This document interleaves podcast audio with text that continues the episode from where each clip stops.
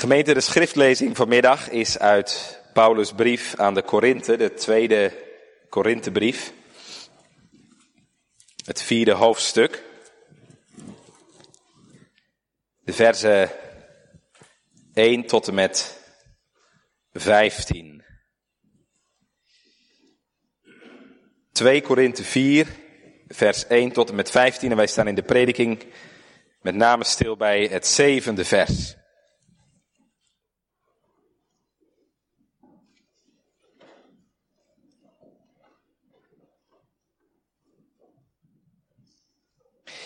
Twee Korinthe 4. Luisteren we samen naar het woord van God.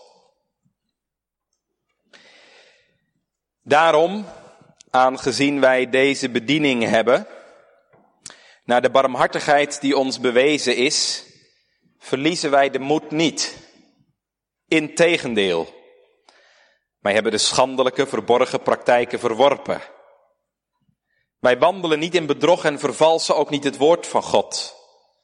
Maar door het openbaar maken van de waarheid bevelen wij onszelf aan bij elk menselijk geweten in de tegenwoordigheid van God. Maar in het geval dat ons evangelie nog bedekt is, dan is het bedekt in hen die verloren gaan.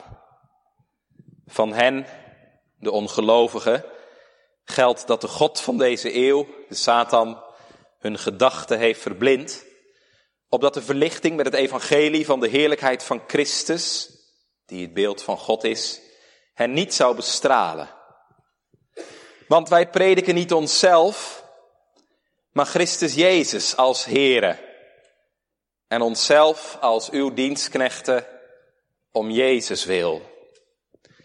Want God die gezegd heeft dat het licht uit de duisternis zou schijnen, is ook degene die in onze harten geschenen heeft, tot verlichting met de kennis van de heerlijkheid van God in het aangezicht van Jezus Christus. Maar wij hebben deze schat in aarde kruiken in aarde vaten, zegt de Statenvertaling. Opdat de alles overtreffende kracht van God zou zijn en niet uit ons. Wij worden in alles verdrukt, maar niet in het nauw gebracht. We zijn in twijfel, maar niet vertwijfeld. We worden vervolgd, maar niet verlaten. Neergeworpen, maar niet te gronden gericht. Wij dragen altijd het sterven van de Heer Jezus in het lichaam mee, opdat ook het leven van Jezus in ons lichaam openbaar wordt. Want wij die leven worden voortdurend aan de dood overgegeven om Jezus wil, opdat ook het leven van Jezus openbaar wordt in ons sterfelijk vlees. Zo is dan de dood werkzaam in ons, maar het leven in u. Maar omdat wij dezelfde geest van het geloof hebben, overeenkomstig wat geschreven staat. Ik heb geloofd, daarom heb ik gesproken, geloven ook wij en daarom spreken wij ook. Wij weten immers dat Hij die de Heer Jezus opgewekt heeft, ook ons door Jezus zal opwekken en samen met u voor zich zal stellen. Want dit alles gebeurt ter wille van u, opdat de genade die meer en meer is toegenomen, door de dankzegging van velen, overvloedig wordt tot verheerlijking van God. Tot zover de lezing van Gods woord. Gemeente, als je ergens naartoe gaat, neem je vaak wat mee. Bosje bloemen, doosje bonbons. Zo doen we dat vaak, hè? Je komt toch niet met lege handen? Nou, dat geldt ook voor een dominee. Fijn om vanavond, na, ik zag vijf jaar weer een keer in uw midden te zijn. Maar ik kan u zeggen, gemeente, ik kom vanavond niet met lege handen. Ik kom alleen niet met bloemen. Ook niet met bonbons. Maar ik heb iets oneindigs veel heerlijkers bij me. Ik kom vanavond met een schat. Elke keer als wij als dominees ergens gaan preken, nemen wij een schat mee. Een schat waarmee jij en u rijk kunnen worden. Schatrijk in God. Bij die schat staan wij vanavond stil. Tekst voor deze dienst is 2 Korinthe 4, vers 7. Ik lees u dat nog een keer voor. Maar wij hebben deze schat in aarde kruiken, aarde vaten, opdat de alles overtreffende kracht van God zou zijn en niet uit ons. Gemeente, we staan stil bij het vat, de schat en de kracht. Het vat, de schat en de kracht. Je zult maar dominee zijn en je gemeente hoef je niet. Ja, dat gebeurt wel eens. Helaas. De mensen klagen. Hij is te licht. Hij is te zwaar. Hij kan niet preken. Hij kan niet zo goed met mensen omgaan. Ja, helaas gebeurt dat wel eens. Maar wist u dat dat een oud probleem is? Wist u dat Paulus dat ook al meemaakte? Paulus? Ja, Paulus. Dat gebeurde in Korinthe. Een groot deel van de gemeente hoeft hem niet. Dat is toch niet te geloven? Stel je toch eens voor dat je vanmiddag zou kunnen kiezen. Dominee Klaassen, dominee Paulus. Nou, dat zou toch niet moeilijk zijn, hè? Stelt u zich eens even voor. Dat niet ik hier vanmiddag zou staan, maar Paulus. Nou, dat zou toch geweldig zijn? Ik denk dat de kerk vol zou zitten. Paulus, die Jezus gezien heeft. Paulus, die zo krachtig tot bekering is gekomen. Paulus, die zoveel indrukwekkende brieven heeft geschreven. Dat zou toch geweldig zijn? Nou, in Korinthe vonden ze dat niet zo geweldig. In Korinthe waren er mensen die er niet aan moesten denken om Paulus als dominee te hebben. En dat, gemeente, is de situatie die we tegenkomen in deze brief. Ja, wat is er aan de hand dan? Kan ik vanmiddag niet uitgebreid op ingaan. Maar het komt ongeveer hierop neer. In die gemeente van Korinthe, gemeente die door Paulus gesticht was, zijn van buitenaf mensen gekomen die voor veel verwarring hebben gezorgd. Ze voelen zich heel wat. En wat erger is, ze trekken een groot deel van de gemeente bij Paulus weg. Ze hebben kritiek op hem. En ze kijken op hem neer. Wat is het probleem dan? Twee dingen. Daar wil ik kort iets over zeggen. In de eerste plaats, die mensen, Paulus noemt ze in hoofdstuk 11 valse apostelen.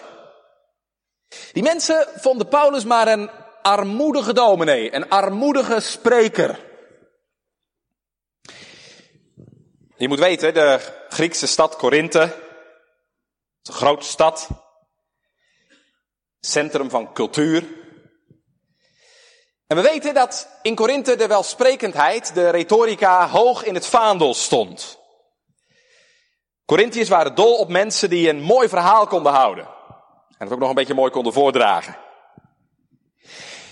En daarom vonden ze die preken van Paulus ver onder de maat.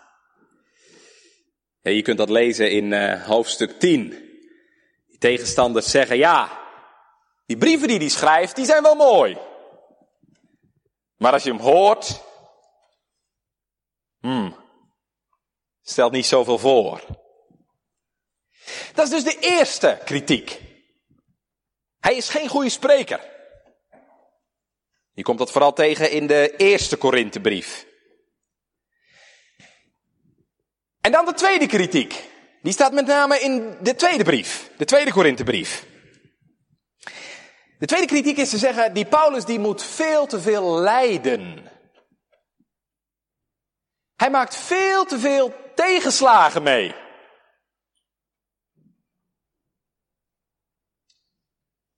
Ja, als je echt een apostel van Jezus Christus zou zijn, als je echt vervuld bent met de Heilige Geest, zoals wij, dan laat God je toch niet zoveel meemaken. We begrijpen dus niet waarom Paulus zoveel mee moet maken, zoveel lijden. En dat is ook zo. Paulus maakt veel mee. Kijk maar even verder in dit hoofdstuk. Wat Paulus zegt, vers 8. Verdrukt. In twijfel. Vers 9, vervolgd. Neergeworpen. En, en een paar hoofdstukken later, hoofdstuk 11, noemt hij nog veel meer. In gevangenissen gezeten, in doodsgevaar. Vijf keer stokslagen gekregen. Gegezeld, gestenigd. Drie keer schipbreuk geleden. En ga zo maar door. Over competenties gesproken. Ja, en dan moet je weten, in de oudheid was de gedachte, als je veel lijden moet meemaken, of ziekte, dan werd dat opgevat als een teken van goddelijk ongenoegen. En dat is voor deze mensen dus het probleem met Paulus. Hoe kun je nu een gezant van Christus zijn, terwijl je zoveel tegenslag en lijden meemaakt?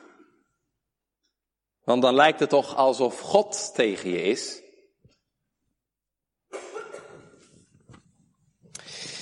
Ja, dat is natuurlijk de vraag. Is lijden een teken dat God tegen je is?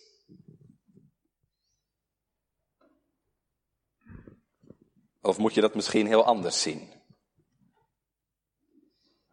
Nou, Paulus vertelt in deze brief iets heel anders. Hij zegt, ja, ik moet inderdaad veel lijden. Ik maak veel mee.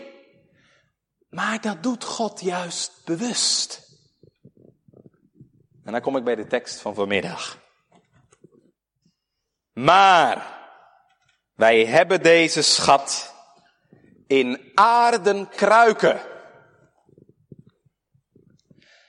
God legt de schat van het evangelie in aarde kruiken, aarde vaten, zegt de Statenvertaling. Wat betekent dat? Gemeente met dat aardevat bedoelt Paulus zichzelf. Beeld van die kruik is het beeld van Paulus.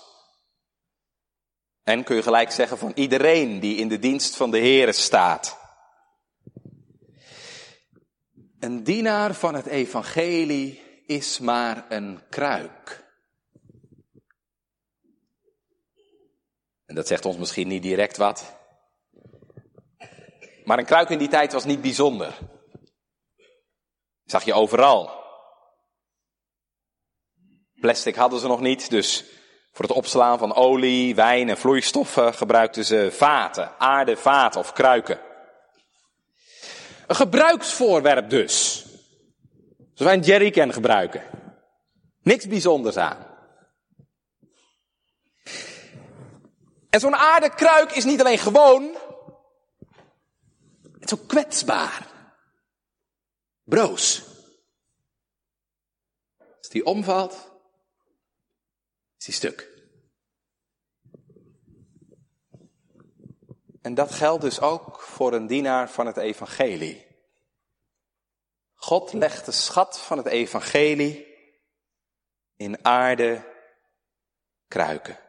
In zwakke, broze mensen.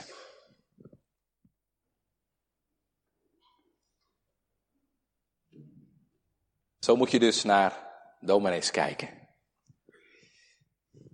Dominee, een dienaar van het evangelie, is maar een vat. Dat betekent in jezelf ben je zwak, broos en kwetsbaar. Je komt wel eens mensen tegen die denken dat dominees tot een ander soort mensen behoren. Ik had eens een gesprek met iemand die uh, me vertelde dat hij het zo moeilijk vond om te bidden. Ik zei ja, dat heb ik ook wel eens. Meneer, momenten dat het bijna niet gaat. Dat ik het heel moeilijk vind om te bidden. Keek me aan alsof hij water zag branden. Hebt u dat ook dan? U bent toch dominee? Ja, dat is zo. Maar wij zijn maar aardevaten.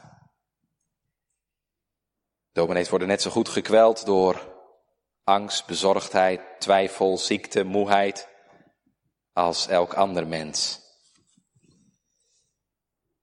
En het hart van een dominee of een evangelist of een ambtsdrager is even zondig en even slecht als van iedereen. Van iedereen die in de dienst van de Heer staat geldt in mij, in mijn vlees woont geen goed. En u begrijpt wel gemeente, dat kan soms best wel eens een aanvechting zijn. Als je in de dienst van de Heer staat. Heren, wie ben ik om dit werk te doen? Wie ben ik om uw evangelie te verkondigen? Het is niet niks gemeente dat het woord van God door mensen heen moet, door mensenmond heen moet. Het is een prachtig eh, versje van eh, Guido Gezelle, waar hij zijn onwaardigheid voor God beleidt, om dienaar van God te zijn. Jezu, wijs en wondermachtig, wees mij arme knecht indachtig. Leer mij spreken, uw naam. En toch, dit is Gods methode. Hij kiest ervoor om de schat van het evangelie te presenteren in aardevaten. God stuurt geen engelen hier op de preekstoel, maar mensen, net als jij, van vlees en bloed, als ieder ander. Kunt u afvragen waarom doet God dat? Weet je waarom God dat doet? Omdat alleen mensen het evangelie kunnen verkondigen. Daarom. Engelen zouden dat helemaal niet kunnen doen. Een engel zou u niet begrijpen als u klaagt over uw zonde. Een engel zou niet naast je kunnen staan als je verdriet hebt, pijn, vrouw. Daarom gebruikt God mensen. Mensen die naast je kunnen komen staan. Mensen die begrip hebben voor je tranen en voor je vreugde. Mensen die weten waar je het over hebt als je zegt dat je last hebt van je zonde. Dat je koud en leeg en arm en schuldig voelt. Maar die ook de kracht van het woord van God hebben leren kennen.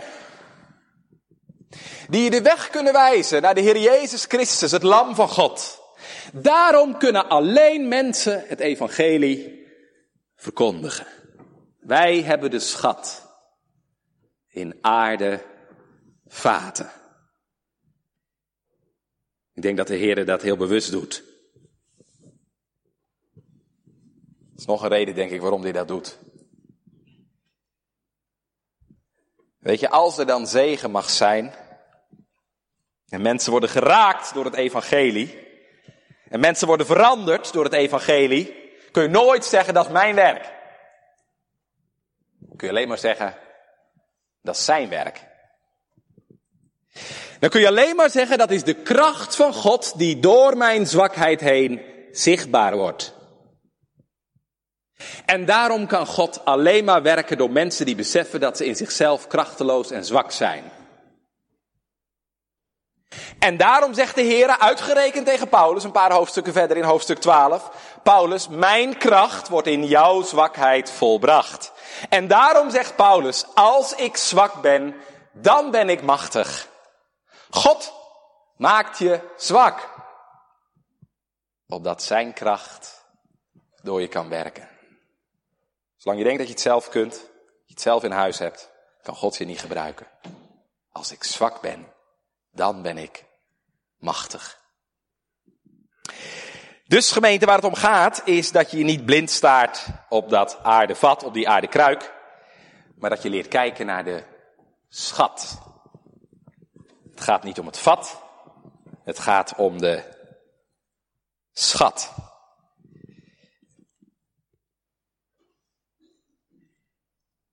Toen ik uh, zeven jaar geleden in het ambt bevestigd werd door dominee van der Belt, toen gaf hij mij de woorden mee uit Johannes 3 over Johannes de Doper. U kent die geschiedenis wel. Hè? Johannes heeft toen gezegd, ik ben de vriend van de bruidegom. Maar daar draait het niet om. Het gaat niet om de vriend van de bruidegom, het gaat om de bruidegom. Die de bruid heeft, is de bruidegom. Het gaat erom dat bruidegom en bruid, Christus en de gelovigen, Christus en de gemeente bij elkaar komen. En wij, ambtsdragers, predikanten, wij mogen een vriend zijn van de bruidegom. Wat een eer. Broeders, het is een geweldige eer om de bruid van Christus bij de bruidegom te brengen. Daarom is evangelie verkondigen ook zo'n heerlijk werk. Maar het gaat om de bruidegom. Het gaat om de schat. En dat is mijn tweede punt. De schat. Want in het vat ligt een schat. Wat is die schat? Heel eenvoudig gezegd, gemeente, die schat is het evangelie. Ja, zegt u? Wat betekent evangelie ook alweer? Evangelie betekent goed nieuws. Wat is dat goede nieuws dan? Het goede nieuws van het evangelie is een persoon. De persoon van de Heer Jezus Christus. Kijk maar even naar vers 5, hè. Daar uh, zegt Paulus dat. Wij prediken niet onszelf, maar wij prediken Christus Jezus als Here. En kijk ook maar even naar vers 4. Daar heeft Paulus het over het evangelie van de heerlijkheid van Christus. Het evangelie van de glorie van Christus. Zie je, in het evangelie gaat het om Christus. Wie Hij is en wat Hij gedaan heeft. John Piper, bekende Amerikaanse predikant, heeft een aantal jaren geleden een boekje geschreven met als titel God is the Gospel. Je zou kunnen zeggen, Christ is the Gospel. Het evangelie is Christus. En daarom moet Christus het centrum zijn van de verkondiging. Hij is het goede nieuws van God. Want door hem wordt de gemeenschap met God, die door de zonde stuk is gegaan, weer hersteld. De schat die Paulus mag dragen, die wij mogen dragen, is het evangelie van Jezus Christus. Ja, zeg je, maar waarom noemt hij dat nou een schat? Nou, u weet, een schat is heel kostbaar. En dat is het evangelie ook. Het evangelie is het meest kostbare wat er is. Want wat is het evangelie eigenlijk? Ik zal een paar dingen noemen. Vier dingen, kort. In de eerste plaats, het evangelie van de Heer Jezus Christus heeft een geweldige kracht. Paulus zegt in Romeinen 1, het is een kracht van God tot zaligheid, tot redding. In het evangelie komt de reddende kracht van God vrij. In de eerste Korinthebrief zegt Paulus, het woord van het kruis is voor hen die verloren gaan dwaasheid, maar voor ons die behouden worden, is het een kracht van God. Dat maakt het evangelie zo kostbaar. In het evangelie komt de kracht van God vrij, waardoor je behouden kunt worden. Dat je leven op zijn kop zet, dat je leven bekeert en verandert en vernieuwt. Dat is het eerste. Evangelie heeft een geweldige kracht. Tweede, door het evangelie van de Heer Jezus Christus schenkt God vergeving. Petrus zegt tegen Cornelius in Handelingen 10 dat een ieder die in hem gelooft vergeving van zonde ontvangt door zijn naam. Door het evangelie kunnen je zonden, hoe zwart, hoeveel het er ook zijn, helemaal vergeven worden. Maakt je witter dan sneeuw. Het evangelie schenkt vergeving. Het derde gemeente, door het evangelie overwin je de dood. En krijg je deel aan het eeuwige leven. Paulus schrijft later aan Timotheus in 1 Timotheus 1 vers 10.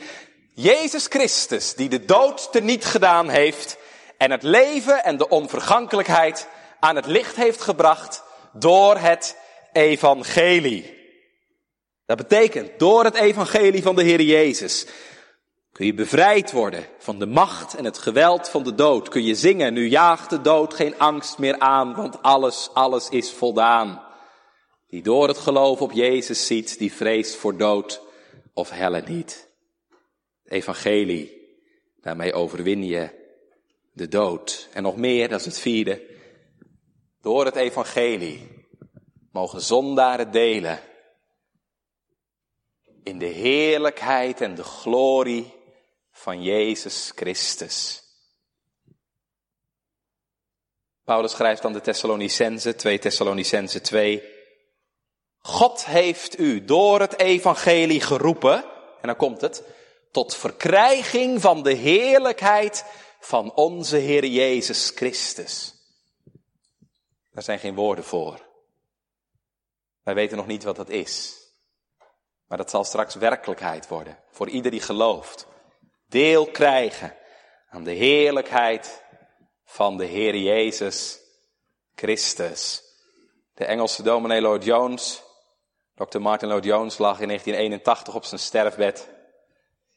Hij was ernstig ziek.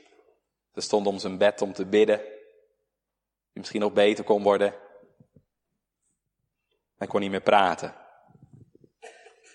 De stem was weg. Hij kon nog wel schrijven. Hij schreef op een briefje: Don't pray for me. Bid niet langer voor me. Don't hold me back from the glory. Houd me niet weg uit de heerlijkheid. De heerlijkheid van de Heer Jezus Christus. Hij zag het al aankomen. Heerlijkheid, heerlijkheid woont in Emmanuels land. Dat is nog toekomst, maar het zal onuitsprekelijk zijn te delen de heerlijkheid van de Heer Jezus Christus. Wij zullen Hem zien zoals Hij is. En wij zullen Hem gelijk wezen. Dat is het evangelie. Kracht die redt. Een boodschap die vergeeft. Boodschap van overwinning op de dood. En het delen in de heerlijkheid van Christus. En daarom is het evangelie het beste nieuws van de wereld. Ik moet denken aan de Schotse dominee John Duncan. Hoogleraar in Schotland. Fenomenale talenkennis. Ik geloof dat hij veertien talen kende. Was ontzettend geleerd, maar hij was ook verschrikkelijk verstrooid. Op een dag liep hij in Edinburgh. Op het Marktplein. kwam iemand naar hem toe. Dominee, is er nog nieuws vandaag? Oh ja, zei Duncan. Dit is altijd nieuws. Het bloed van Jezus Christus, Gods Zoon, reinigt van alle zonde. We hebben altijd goed nieuws.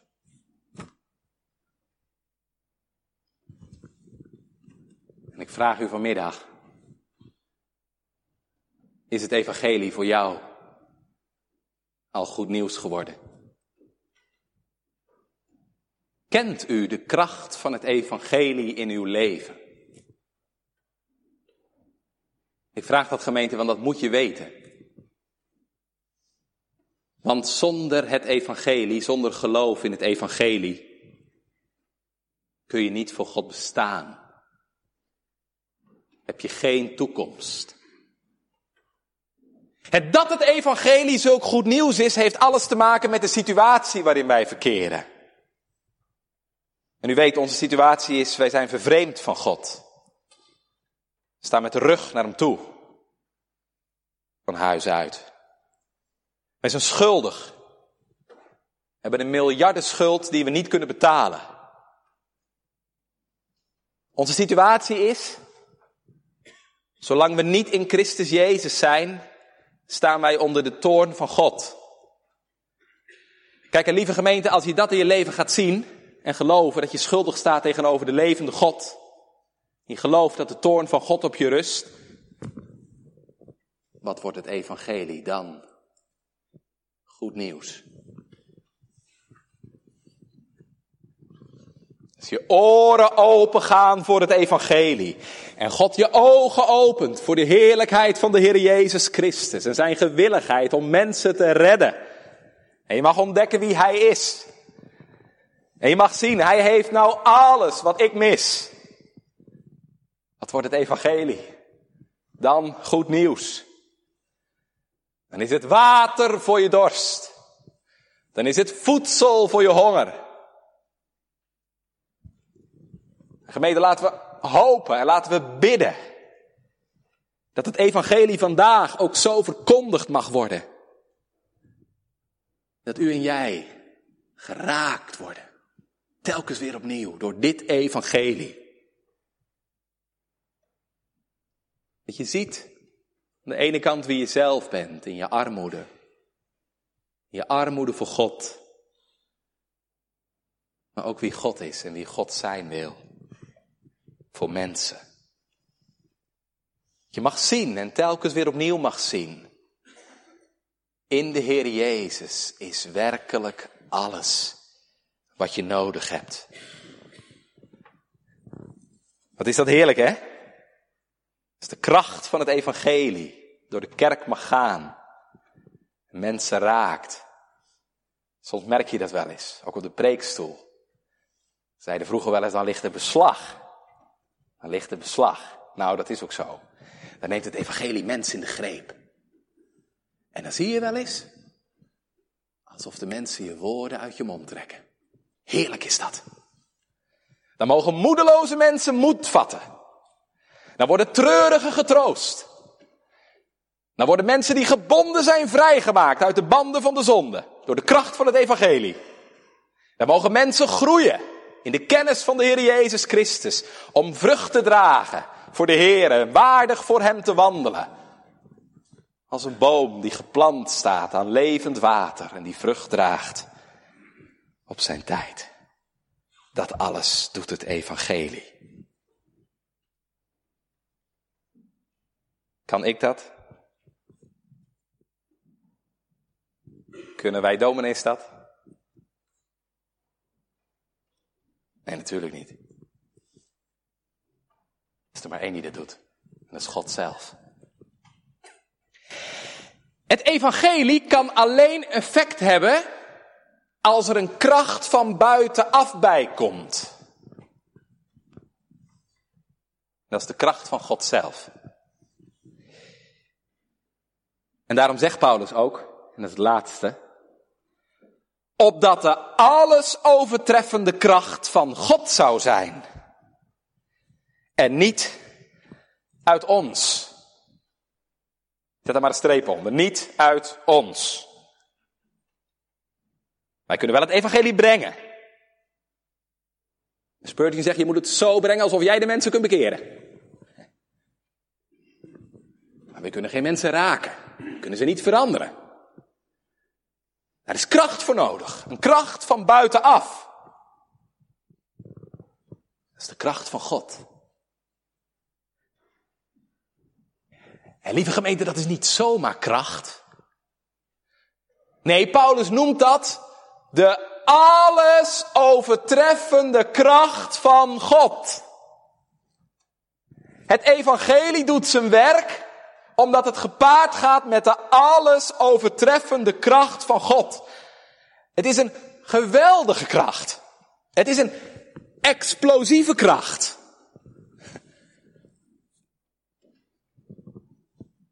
Als er één was die dat wist, dan was Paulus het.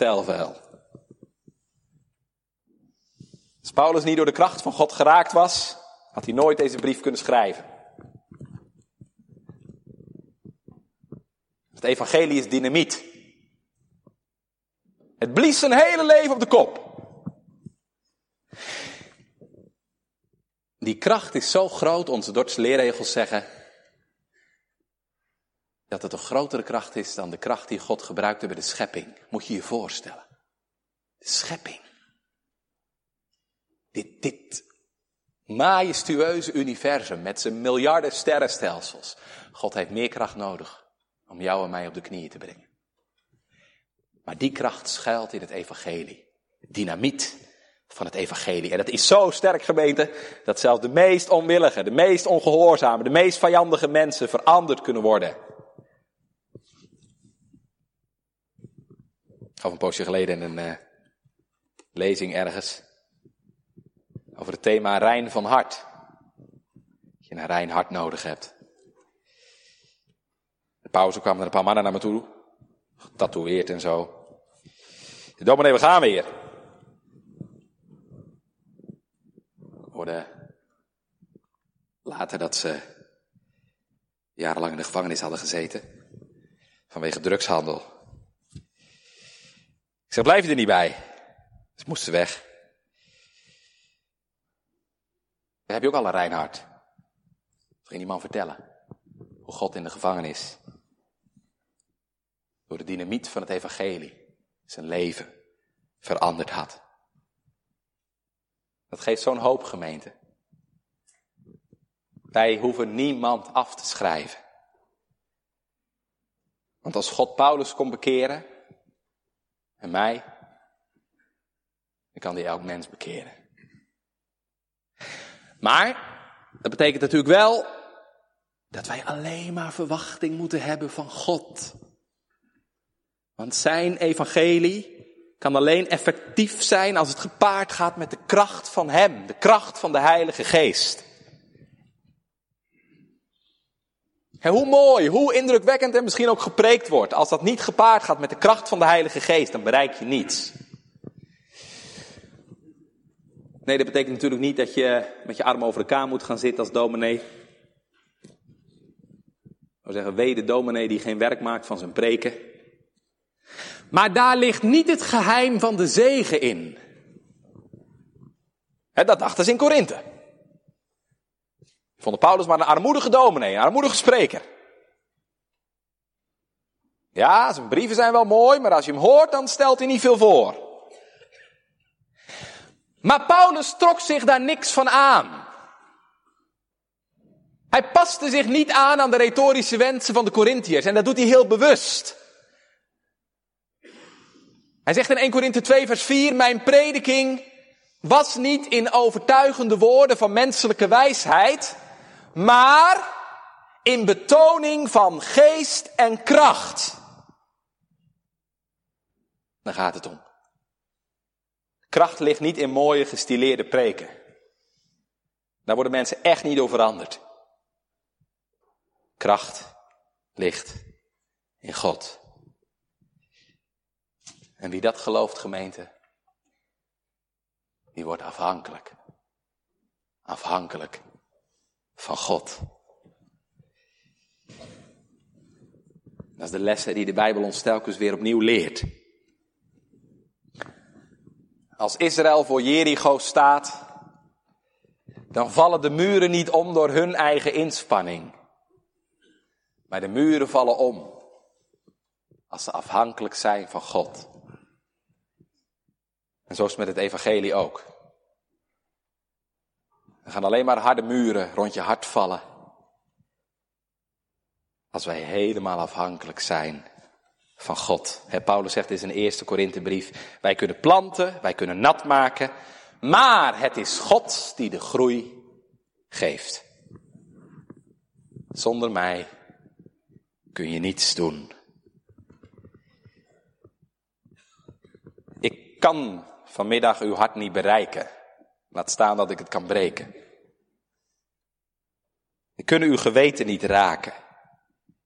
Ik kan u niet overtuigen van uw zonde en het failliet van uw leven. Ik kan uw ogen niet openen voor de Heer Jezus en zijn werk. Ik kan u niet aan de voeten van de Heer Jezus brengen. Ik kan u het geloof niet geven. En dat mag ook niet. Want dat is Gods werk. Opdat de alles overtreffende kracht van God zou zijn en niet uit ons. Ja, wat betekent dat nu voor u als gemeente? Nou, dat betekent ook voor uw gemeente dat u verwachting mag hebben van de Heer. Want als je dat echt gelooft, dat het Gods werk is om mensen te veranderen, als je echt gelooft dat het Gods werk is om mensen te vernieuwen, misschien je kinderen of je buurman, dan ga je niet in je stoel zitten en wachten. Nee, dan ga je de Heer aanklampen. Ga je bidden. Heere, werk. Kom met uw geest. Ga je pleiten op Gods beloftes. U hebt zelf beloofd, doden zullen horen de stem van de Zoon van God. En die het gehoord hebben, die zullen leven.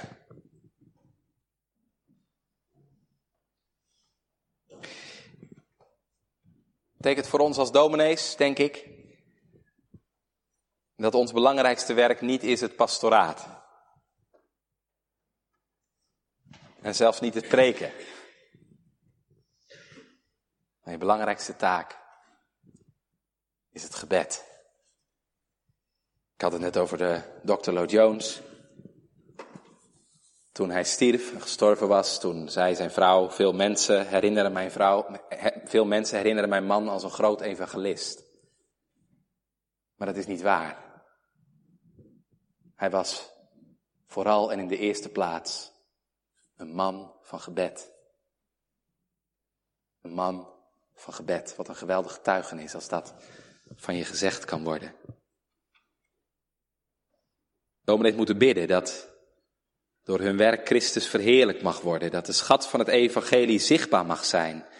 Dat uh, onze ogen open mogen gaan en telkens weer open mogen gaan voor die schat. En ik zou vanmiddag aan u als gemeente willen vragen. Zorgt u er alstublieft voor dat uw predikant dat niet alleen hoeft te doen. Wilt u mee bidden? Ik vraag dat wel eens aan gemeenteleden als u op huisbezoek komt. Wilt u ook alstublieft voor mij bidden? Kijkt hij soms wat vreemd aan. Ik zeg, ja, maar het valt mij op hoe vaak ik de brieven van Paulus niet lees. En Paulus zegt, bid ook voor ons. Dat de deur van het woord geopend wordt. Dat wij het evangelie van Christus met vrijmoedigheid mogen brengen. Nou, als Paulus dat zelfs al durfde te vragen, dan mogen wij het ook wel doen. Bid mee. Want hoe meer gebed in een gemeente, hoe meer de kracht van God merkbaar zal zijn en hoe meer de schat van het evangelie zal schitteren. En daar hebt u zelf, mag u daar de vrucht van plukken. Bid u ons vol dan preken wij u vol.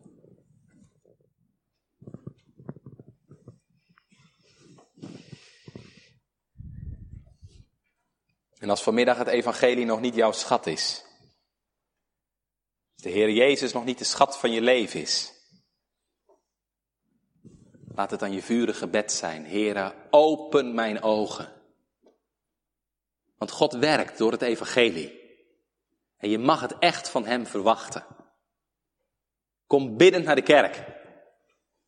Want hier is de Heilige Geest en Hij twist met ons en Hij worstelt met ons, met jou, om ons behoud. En als je de Heer Jezus al kent, bid dat je Hem meer en meer mag kennen.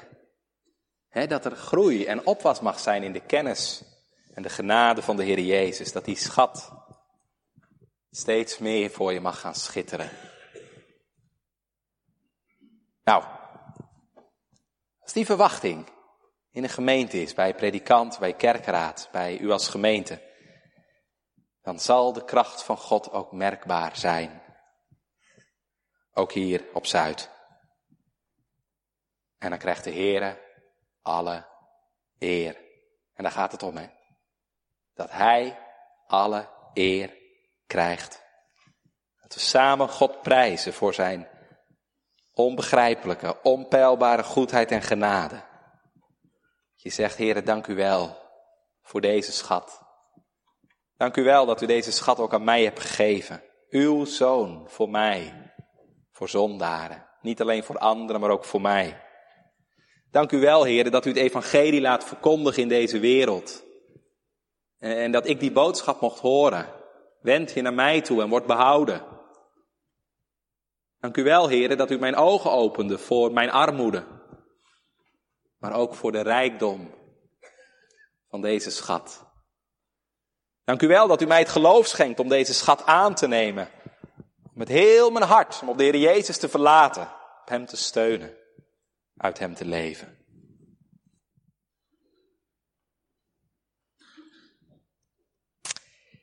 Ja, dus het komt hierop neer. Wij, als dienaren van Christus, moeten goede schatbewaarders zijn.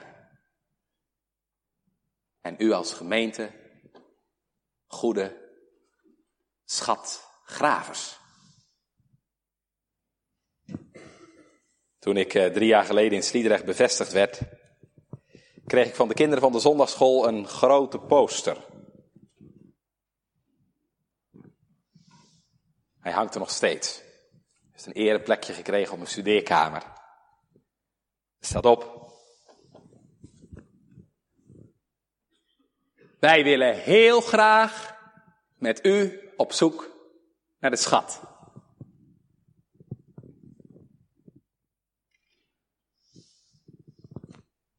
Wij willen heel graag op zoek naar de schat. Nou, dan is het goed. Als wij goede schatbewaarders zijn en u schatgraver. U weet wel, hè? Zoals die man waar Jezus over vertelde. Hij vond een schat in de akker. Moet ik misschien zeggen. De schat vond hem.